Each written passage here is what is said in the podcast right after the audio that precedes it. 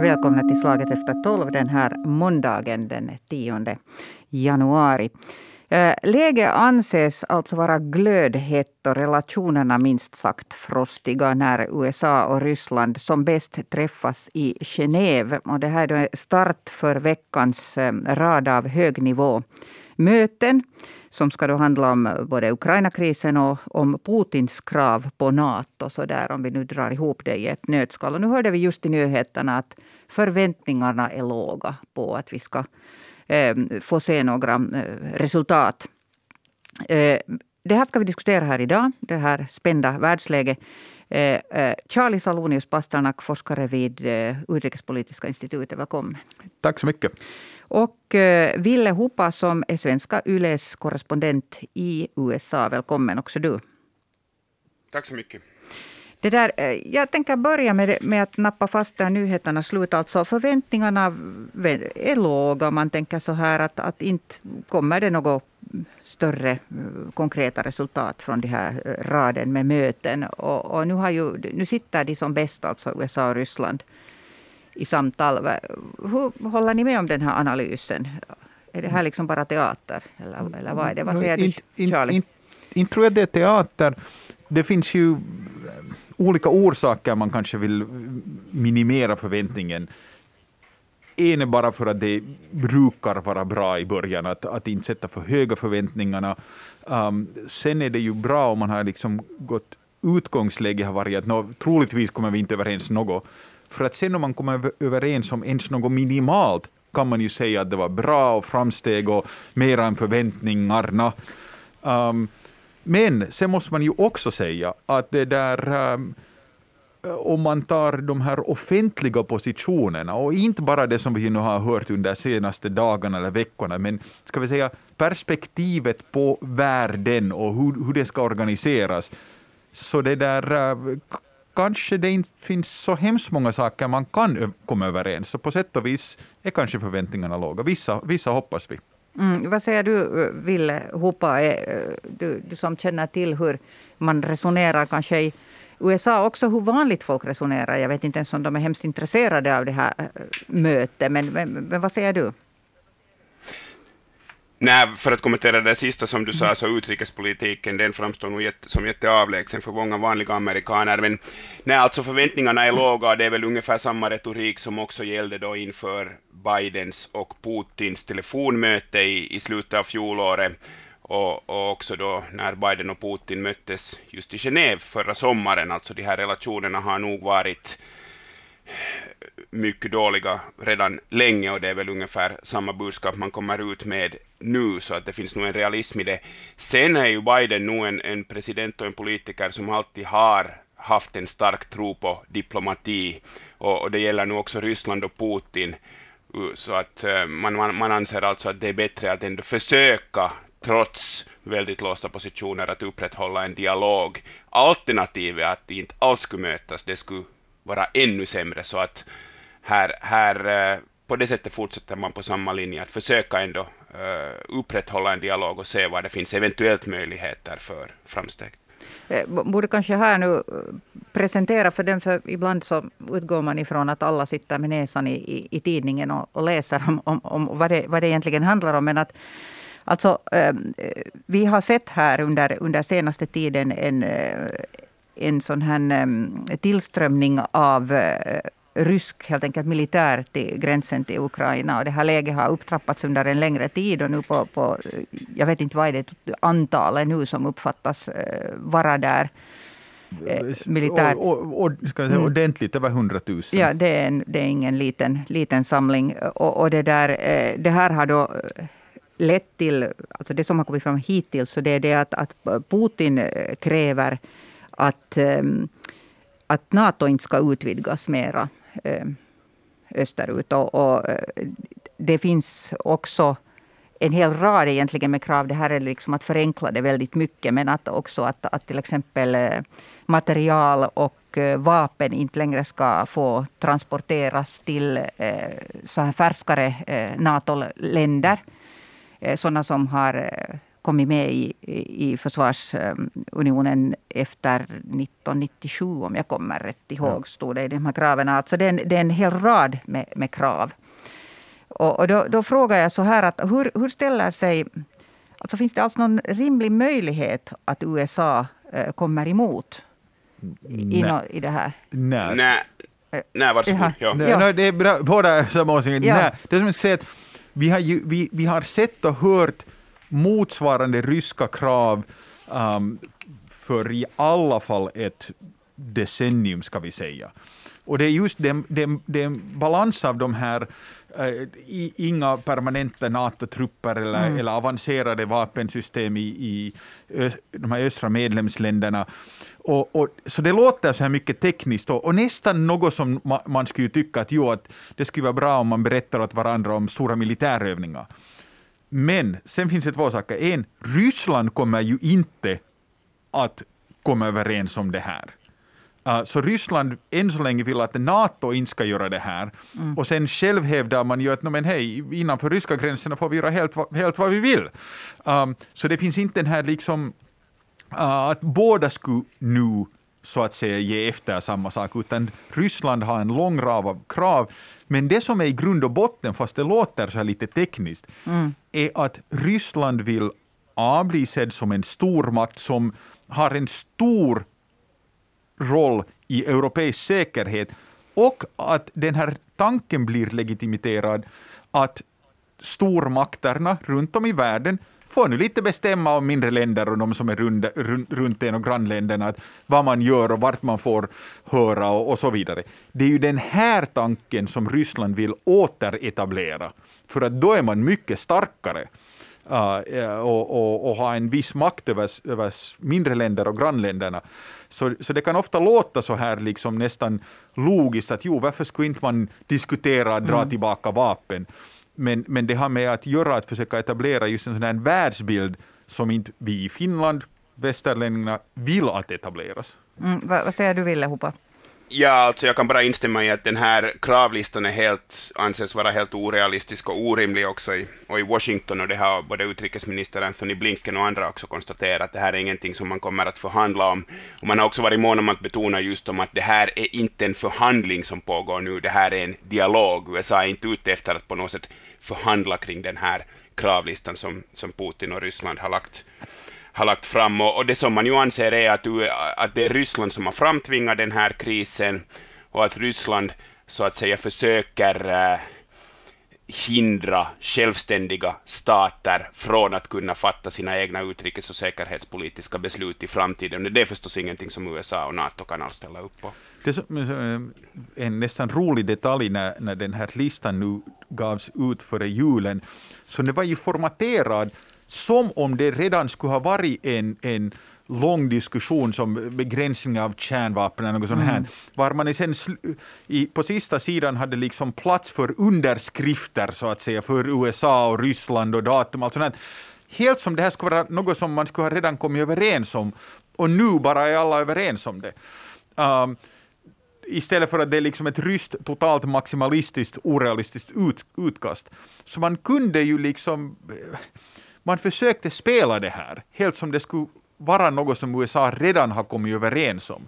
Eh, naturligtvis var det inte, men det pekar ju på också den här ena strategin att försöka splittra upp um, då det är Ryssland på ena sidan så att säga och sen är det en grupp av olika länder, NATO-medlemmar men varför inte också EU, EUs medlemmar och så vidare och, och som, som ganska, inte många, men, men några har, har funderat på att möjligheten att Ryssland under den här veckan till och med kanske kommer ut med att fint, nu har vi kommit överens om något som de facto inte har kommit överens.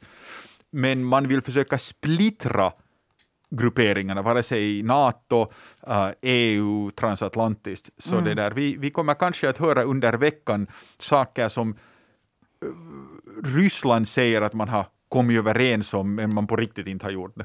Det, det var en... ja. ja, varsågod Ville. Nej, jag skulle bara tillägga att enligt amerikanska tjänstemän så finns det två, kanske två punkter där man möjligen kan nå någon form av överenskommelse. Eh, mellan, vilka, mellan... vilka är det? Ja, det skulle vara då att, att, att eventuellt USA skulle ställa upp på att minska militärövningar i Östeuropa eh, eller nära den amerikanska gränsen, eller att skala ner på det här antimissilförsvaret som NATO har byggt upp. Men det här skulle ju förutsätta då att Ryssland också kommer med några eftergifter, eller till exempel binder sig att eh, dra tillbaka trupperna från närheten av Ukrainas gräns, och det finns det inga tecken på. Så att det här verkar nog väldigt låst, det här läget också, när man lyssnar på kommentarerna i USA. Mm. Eh, en fråga som ofta kastats fram i den här diskussionen i, i, i press och i social media och sånt här, så det är att no, varför går nu västens med på att förhandla med Putin istället för att sätta hårt mot hårt? Du var lite ville inne på det redan med det här med att de har ansett att, att diplomati, att det ändå är, är liksom bättre att försöka. Men, men den här frågan, varför, varför inte bara sätta hårt mot hårt? Ja, ja. Uh, no, no, ska vi säga så här att USAs, kanske, kanske om vi tänker på USAs och Bidens utrikespolitiska agenda så, så är det nog Kina som, som har stått i fokus från första början. Och att beskriva Ryssland som en distraktion kanske är lite fel, men i varje fall så har Joe Bidens administration inte haft några stora ambitioner att, att uppnå något särskilt mycket med Ryssland, förutom att då försöka undvika en konfrontation, och det är kanske det som är den röda tråden här hela tiden, att försöka undvika en eskalering, eh, en militär eskalering och en, en försämring av de här redan ansträngda relationerna. Och då anser då Vita huset och Biden att det ändå är värt att hela tiden försöka upprätthålla någon form av dialog än att helt bryta kontakten. Sen verkar det vara helt uteslutet att USA till exempel skulle skicka trupper till Ukraina om det uppstår en militär konflikt. Det finns det varken politiskt eller folkligt stöd för i, för i USA just nu. Det, det, är sant, och man har redan, alltså president Obama som blev kritiserad, så har man insett länge, Trump gjorde det också, att det, så kan liksom, liksom, gällande eskalering av sån här situation, mm. så kommer ju Ryssland alltid jämfört med USA att, att vara många steg före. Man är mera intresserad i Ukrainas framtid, genuint. Givetvis. Man är en granne och så vidare. Så det, det, det finns inte hemskt mycket det där som USA eh, på sätt och vis kan göra efter vissa steg för att säga, det finns ingen politisk eller, eller samhällelig uh, aptit för att det där börja nu strida för Ukraina. Det skulle vara helt annat om, om, om det skulle gälla ett NATO-medlem. Men mm. det där är helt annat, men, men, men ganska annorlunda. Uh, uh, jag tror att det är jätteviktigt och inte bara för, för liksom Bidens administration inom, i Bryssel, men också i Ryssland, att man visar att man försöker komma upp med någon slags diplomatisk lösning möjligtvis. Delvis för att det nu som dagens möte visar att det är USA och Ryssland, lite som good old times under mm. kalla kriget, att nu är det stormakterna som, som diskuterar saker här. Um, och det är ju absolut något Ryssland vill ha. Man vill ha erkännande för att man inte bara är en stor europeisk makt, men en, en genuin liksom, global spelare. Fast man då inte alltid förstås är det. Uh, men, det där, uh, men oavsett om man i Kreml till exempel då väljer att uh, använda mera militära medel, så även där för intern politik måste man kunna bevisa att det var de här andra. Redan vid det här skedet så är det 50 procent av folket eh, som, som tycks tycka att det är NATO och USA som är parten som är skyldig till den här eskaleringen under de senaste månaderna. Men det där, om man ska starta ett ordentligt krig så måste man ju få det högre, man måste få det säkert till 70, 80, 90 procent. Och då kan man säga att hej, det var de här andra som började. Vi försökte lösa det diplomatiskt. De avfärdade våra mycket rationella krav och så vidare. Det här är berättelser som man ska berätta i Ryssland. Mm. Och därför är det oundvikligt med det här lilla kriget. Ja, precis. Ja, det, om jag får flicka in här bara, det här är förstås en verklighetsbeskrivning då som USA inte alls ställer upp på, utan Nej. man försöker hela tiden då betona att, att det i, allt ligger i Rysslands händer. Ryssland har möjligheten att uh, dämpa spänningarna. Det var Antony Blinken, alltså USAs utrikesminister, som sa att det finns nu två vägar vidare, antingen en, en väg som bygger på, på diplomati och diskussioner och dämpade spänningar eller en annan väg som bygger på då militär eskalering och, och enorma konsekvenser.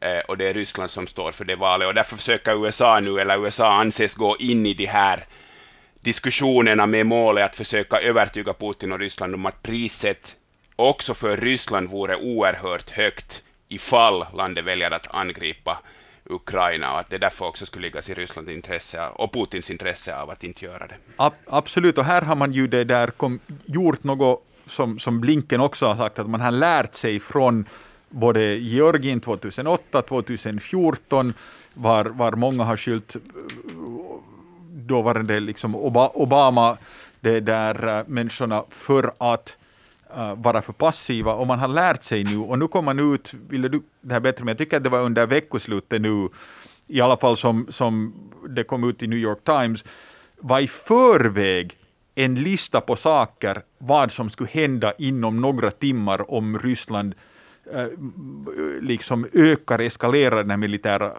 aktiviteten eller anfaller Ukraina. Mm.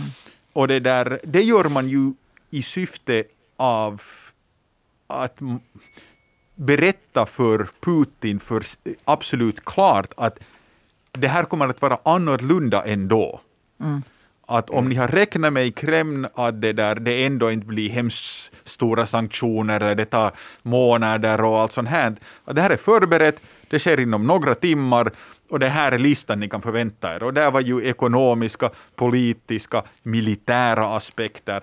Och det, där, det tyder just på det här att man vill göra det oerhört klart för Putin att han förstår att det här kommer att kosta något helt annat än vad han kanske har tänkt sig. Det betyder, ju, jag, bara, det betyder ju inte att eh, om, om målen är tillräckligt stora så kan man absolut i Ryssland säga att, att men det får vara. Mm. Vi tar de här kostnaderna. Um, så det där, um, ja, vi får se. Ja, så det är ganska höga insatser. Alltså jag, har, jag skulle kanske sammanfatta det som så att USA signalerar att man är, tillgripa all, man är redo att tillgripa alla politiska, ekonomiska och, och diplomatiska medel eh, och sanktioner, ursäkta, eh, mm. förutom att skicka egna trupper till Ukraina. Och man ja. hoppas att det här ska då bita på, på Putin och få honom att eh,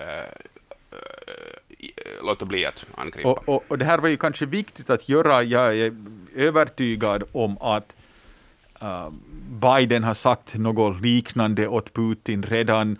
Uh, men att göra det offentligt, för att då binder man ju sig äh, och man, man gör det möjligare sen att berätta sin egen version, så att säga, det som hände. Att hej, vi, vi var faktiskt aktiva som USA, vi satt inte på våra händer, så det, det kan skydda inrikespolitiskt.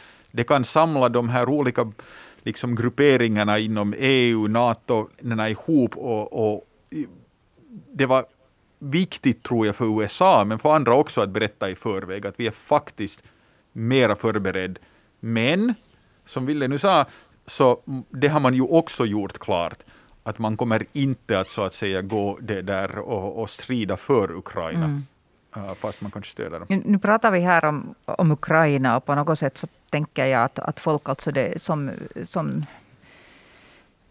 Ja, att, att man har en viss förståelse för det att, att Ryssland upplever och Putin eh, stor eh, ovilja förstås att tanken att Ukraina skulle, skulle tas in i, i Nato. Eh, men, men så har vi själv vår egen långa gräns med Ryssland. Och det har ju väckt en väldigt livlig debatt här i, i Finland. Första gången på, på länge så tycker jag att vi diskuterar nu Nato fram och tillbaka och alla eh, har lyssnat på presidentens tal. Som det inte var helt uppenbart att han tyckte om att det ska vara debatt. Mm. Det, det kanske ja, nej, absolut. Men, men det har nu blivit en, en debatt. Och, ja. och också, alltså Sauli Niinistö har ju fått en massa beröm också internationellt för att, att vara ganska klarspråkig, citerat ja. Henry Kissinger och sånt här om hur det brukar gå när man ger efter eh, i sådana här frågor. Och, och det där, um, då är min fråga det här, alltså vi, vi har diskuterat här av och till uh, nu de här gångna dagarna här om, om att hur påverkar det här nu? Nu, nu sitter de där och, och pratar. Eh, pratar de om oss? Pratar de om Finland och Sverige nu i Genève? Och, och, och ett NATO-medlemskap. Vad händer om, om vi skulle besluta att vi vill ansöka om medlemskap? Va, va, vad säger du Charlie Salonis Pasternak? No, jag vet inte om vi är så att säga i, i det här fallet är det väl kanske positivt tillräckligt viktiga mm. att genuint vara en, en någon agendapunkt där. Jag är glad om vi inte är tillräckligt men, viktiga för det. det. Där, uh, uh, och, och, här har man ju då uh, Bryssels håll men också USA. Det där, förra veckan var det, var det väl en, en sån här diskussions, telefondiskussion med nordiska representanter och, och sen från Vita huset och, och sen separat, separat det där för NATO-mötet så hade NATOs sekreterare talat med mm. både det där um, finska och svenska ledarna och så vidare. Så man, det är ju viktigt för Finland och Sverige att fortsättningsvis indikera att uh, vi accepterar inte kraven som Ryssland sätter på någon annan, men vi är ändå lite skilda det hör ju till vår berättelse, att liksom, det här har jag hört nu i, i, i sex, sju år, att jo, jo, allt det här kan hända åt Ukraina, men inte åt Finland. Vi är speciella. Men då, internationell media ser det inte på det där absolut, sättet. Och, och det är ju nej. inte så. Det här hör till en finsk inrikesdiskussion att säga att vi är speciella. För att, jag sa att, att inte tror jag att vi är vår egen agendapunkt. Men onekligen när Ryssland nu har sagt att NATO inte ska ta in mera mm. medlemmar, mm. så nu är vi ju en del av diskussionen då, fast vi inte skulle nämnas. Det är ju absolut klart. Um, så nej, inte, inte vet jag om Finland och Sverige diskuteras. Och Biden har ju gjort sin ska vi säga, förkärlek mycket klar för i alla fall Sverige och Finland också. Med det, där, alltså det, det är svårare att stänga dörren åt oss. Men visst är vi ju i diskussionen. Mm, vad säger du, jo, Ville? No, ja, jag kan väl säga så pass mycket att, att, att från ett amerikanskt perspektiv så är ju kanske då USA, äh, Finland en ganska liten spelare i ett stort, stort världspolitiskt spel, men, men jag har nu ändå talat med en handfull utrikespolitiska experter de senaste åren, och, och det verkar det nog råda konsensus om att liksom tröskeln är låg för Finland att ansluta sig om Finland så beslutar till NATO, att dörren så att säga på, i det avseendet nog står öppen och Finlands äh, presidenter har ju haft goda relationer en längre tid, det är också uppfattningen i USA, till USA, både under Trumps tid och också nu under Bidens tid, för att inte tala då under Obamas tid och, och tidigare. Sen pågår det ju ingen, ingen NATO, jo eller nej-diskussion just nu i USA i egentlig mening, utan, utan NATO är ju ett självklart tillstånd då, och, och USA är förstås en av de, eller kanske den ledande kraften i NATO. Och, och stödet, stöd, stödet för NATO det där är ju, eh, om man tittar på NATO-medlemmar, så i USA är det, kan man säga, kanske förvånansvärt högt. Alltså en, en betydande majoritet stöder ändå NATO och tycker att det är viktigt att USA är aktiv i, i det och så vidare.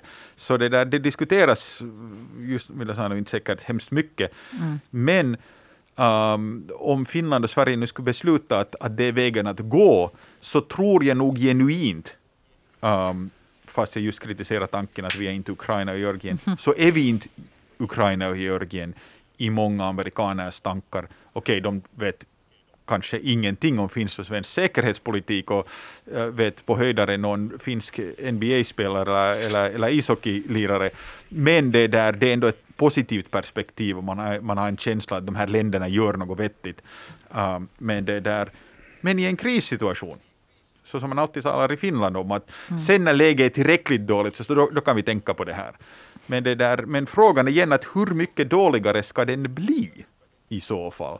Och vid det skedet är amerikanska kongressen, om det nu blir så som det ser ut att bli i mellanval här, så det där inte det uppenbart att man i USA är helt genast färdig att ta Finland och Sverige som NATO-medlemmar om läget är så dåligt att Finland och Sverige skulle tycka att nu är det tid att söka.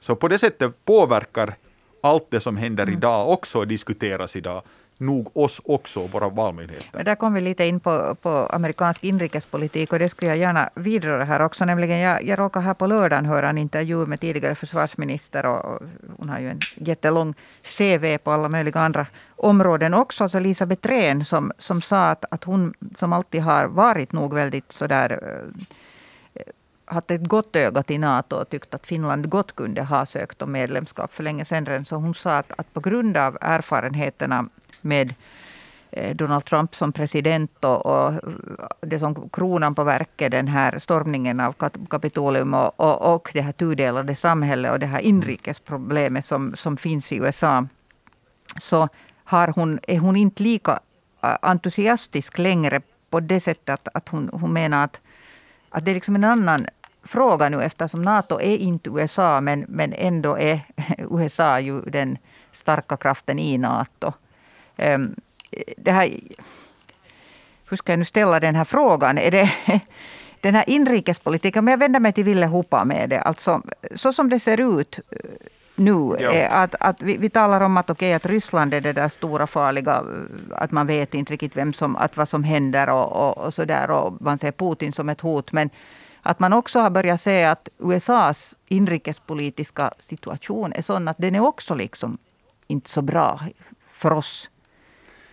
Nej, alltså tudelningen är mycket stark. Ja, jag skulle säga mm. just det. Och det, det är ju förstås en faktor som hela tiden också hämmar och och, och försvårar Joe Bidens utrikespolitiska agenda, att det inte finns ett så odelat stöd, eller kan vi säga att det finns en, en stark opinion, lite, lite överdrivet kan man säga, hälften av landet som nästan hoppas på att Joe Biden ska misslyckas, alltså de här skyttegravarna, klyftorna mellan republikaner och och vad heter det, demokrater är så pass, så pass djupa att, att, att det är svårt liksom för Biden att på ett trovärdigt sätt gå ut i världen och, och, och tala för demokrati. En intressant trend är till exempel den att eh, republikanerna idag, som traditionellt under hela kalla kriget hade en, en mycket strängare attityd till, till Ryssland eller dåvarande Sovjet, så de, har, de ser idag i mindre grad än demokraterna Putin och Ryssland som ett hot. Och det är många republikaner som kanske tänker att USA överhuvudtaget inte ska vara ute i världen och, och, och säga till Ryssland, utan Ryssland får sköta sitt, sitt och, och det här, och USA bör, bör sköta sitt. Men, men, men det här är nog en faktor som, som också har kommit fram i de diskussioner som jag har, jag har fört. Jag träffade en, en, eller jag talade med en välinformerad diplomat i Washington där i slutet av fjolåret, som sa att man i diplomatkåren just nu ungefär tänker två eller tre år framåt, alltså fram till nästa presidentval 2024 eftersom om det går så att en republikansk kandidat vinner valet då, så då är vi återigen i en situation av stor ovisshet, eftersom de här nationalistiska elementen inom republikanerna i USA är så starka idag. Det finns alltså en stark opinion, delvis framdriven av Trump, delvis framdriven av andra faktorer som anser att USA inte bör ha ett lika starkt internationellt engagemang längre, och som överlag ser med en stor skepsis och cynism liksom på USAs eh, ska vi säga, aktiva roll ute i världen.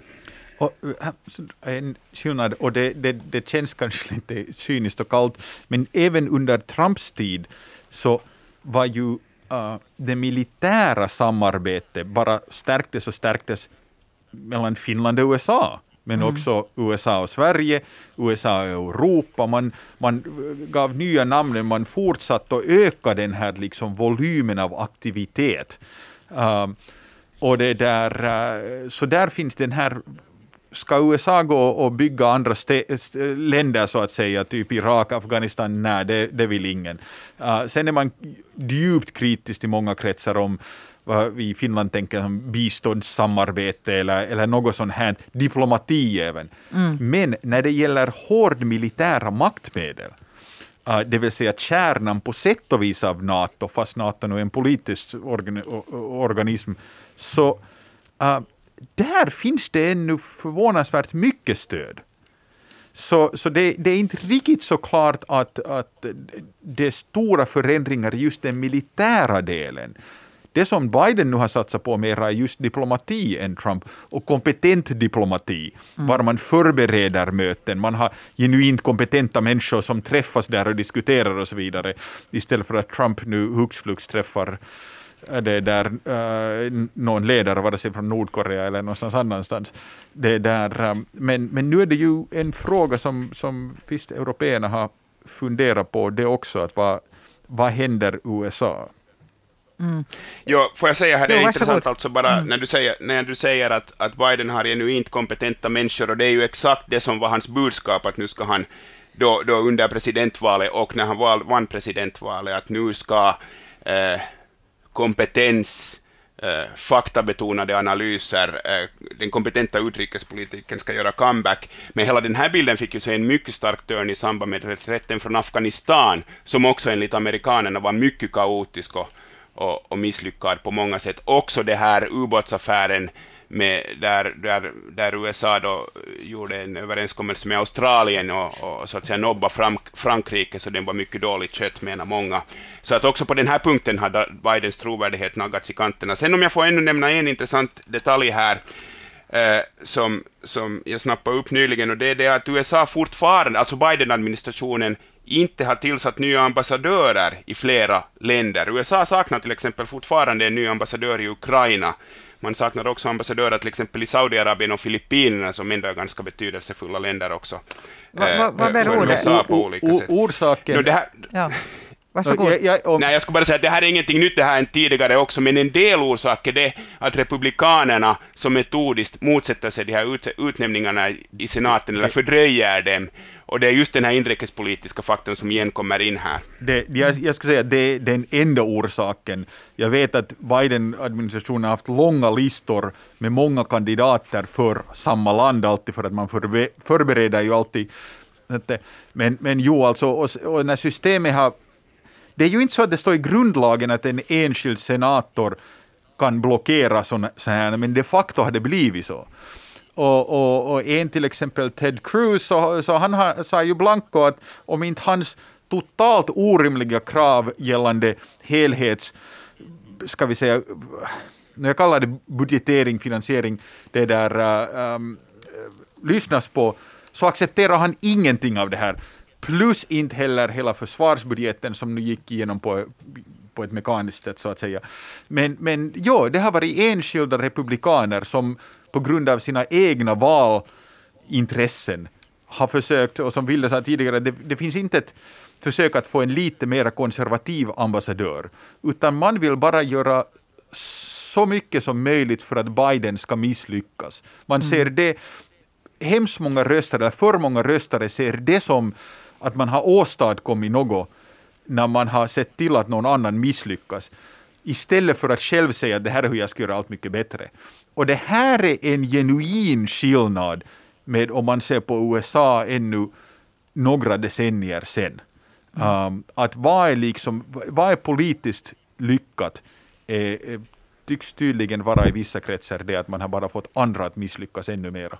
Det, det, det här är mycket bra poäng, alltså åtminstone i samband med utrikespolitiska kriser så har det funnits en stark konsensus i USA, alltså man har ofta slutit upp då bakom ledaren. Kom nu ihåg till exempel då eh, 11 november-attackerna i Irakkriget, det fanns en enorm uppslutning då bakom president Bush, också hos demokraterna. Sen skulle jag bara säga en sak ännu, att jo, det handlar om republikansk obstruktionism, men det ligger också lite i systemets natur i USA, att när liksom vart fjärde år hela maskineriet så att säga ska läggas om, särskilt om det är så att en republikansk president, eller liksom det är, det är ett nytt parti som jo. intar Vita huset, så det är alltid en massiv operation, det leder alltid till att det tar ganska länge för innan det, alla de här posterna tillsätts. Det, det tar ju, alltså vi talar ju om helheten, är det nästan 4 000 olika positioner beroende på Något hur liksom ja. djupt man säger, men, men, men det är ju om man tänker i Finland att varje ministeriets översta tre eller fyra sikt skulle alla bytas om och måste så att säga om, omskolas och berättas vad som händer ner till, till, till, till någon liksom liten gruppchef. Så det där, eh, nu, nu tar det ju en tid. Mm. Det där, eh, vi har några minuter kvar och då skulle jag ännu återgå till de här krismötena eller, eller de här samtalen eller vad man nu vill kalla dem i, i Genève. Och det där, eh, fråga att, att vad kan man rimligtvis vänta sig att, att skulle kunna uppnås här? Jag menar, nu är det vissa bedömare har, har sagt att, okay, att USA vill få det här undanstökat eh, ändå snabbt och då kan de väntas just komma med några eftergifter. För att deras egentliga eh, liksom hotbild eller eh, det här stora problemet är Kina. Mm, det, det, är en stor fråga att ta in här på några minuter jo, kvar. Jo, men inte, inte, inte ja. liksom på mm. nivå av dagar, eller veckor eller månader, mm. utan Kina-problemet är liksom mäts i år och decennier. Men så, så du menar att de har inte en brådska? De har, de har, de har absolut, Ryssland ville ju kreera den här före julen. Mm. De kreerar kris och sen en brådska att nu ska vi lösa det här typ idag eller annars blir det krig. Mm. Uh, vad tror jag, vad skulle man kunna förvänta sig? No, jag skulle kunna förvänta mig att de, det är lätt att säga att no, vi, hade, vi har haft en, en djup diskussion, uh, vi kommer att fortsätta som redan med tanke på den här låga förväntningarna varifrån vi börjar med, mm. skulle låta man att hej, men om man fortsätter diskussionen så det är ju något positivt. Mm. Vad säger du, Ville? Jag, nej, jag tror också att det är någonting sånt som det kanske kommer att landa i. USA och Biden säger att vi har gjort det mycket klart för Putin vilket priset kommer att vara om han fortsätter fortsätter att utöva aggression mot Ukraina och, och det var därför en, en, viktig diskussion. Alltså man försöker övertyga eh, Ryssland och resten av världen att priset som Ryssland betalar för en eventuellt angrepp är mycket högt och förhoppningsvis alldeles för högt. Men, men här måste jag säga att, att sen om Ryssland beslutar sig att, att vi, vi, liksom, vi står till det här och vi, vi, det, så då blir det en tankeställare att hur kan man bygga upp en så kallad sån deterrens var man gör i förvägen säger att vi gör A om ni gör B. Om det inte lyckas nu, och historiskt så har det inte varit hemskt lyckat, när man talar om sanktioner och sådana saker. Så det, där, det blir nog en tankeställare att vill Kremlin försöka söndra det här, bara för att visa att vet du, vi bryr inte oss om, vi gör ändå det vad vi vill. Och då får nu USA och Europa en stor tankeställare om de kan ens tänka sig göra något motsvarande en deterrens gällande Kina eller någonstans mm. annanstans i världen. Så det är nog ganska riskabelt. Ja, framförallt så blir det en ny station och framförallt så handlar det om humanitär katastrof om vi alltså ser ett regelrätt krig mellan Ryssland och Ukraina. Då handlar det ju liksom om, om blodbad, om, om, om, om människoliv och så vidare. Då är det en helt ny situation och det är väl det här nu som förstås alla försöker undvika, eller åtminstone USA går in i de här diskussionerna med den här tanken att försöka då undvika en konfrontation och göra allt vad man kan för att göra det. Mm. Tack ska ni ha bägge två. Klockan tickar vi på här och, och, och, vi får dra ett streck här. Mitt namn är Bettina Sågbom. Jag återkommer på onsdag med en ny debatt och imorgon så är det Heidi Finnila som är programledare här. Charlie Salonius Pasternak, forskare vid Utrikespolitiska institutet och Ville Hupa, Svenska Yles korrespondent i USA. Eh, tack för att ni medverkar här idag. Tack för att få vara med. Tack så mycket.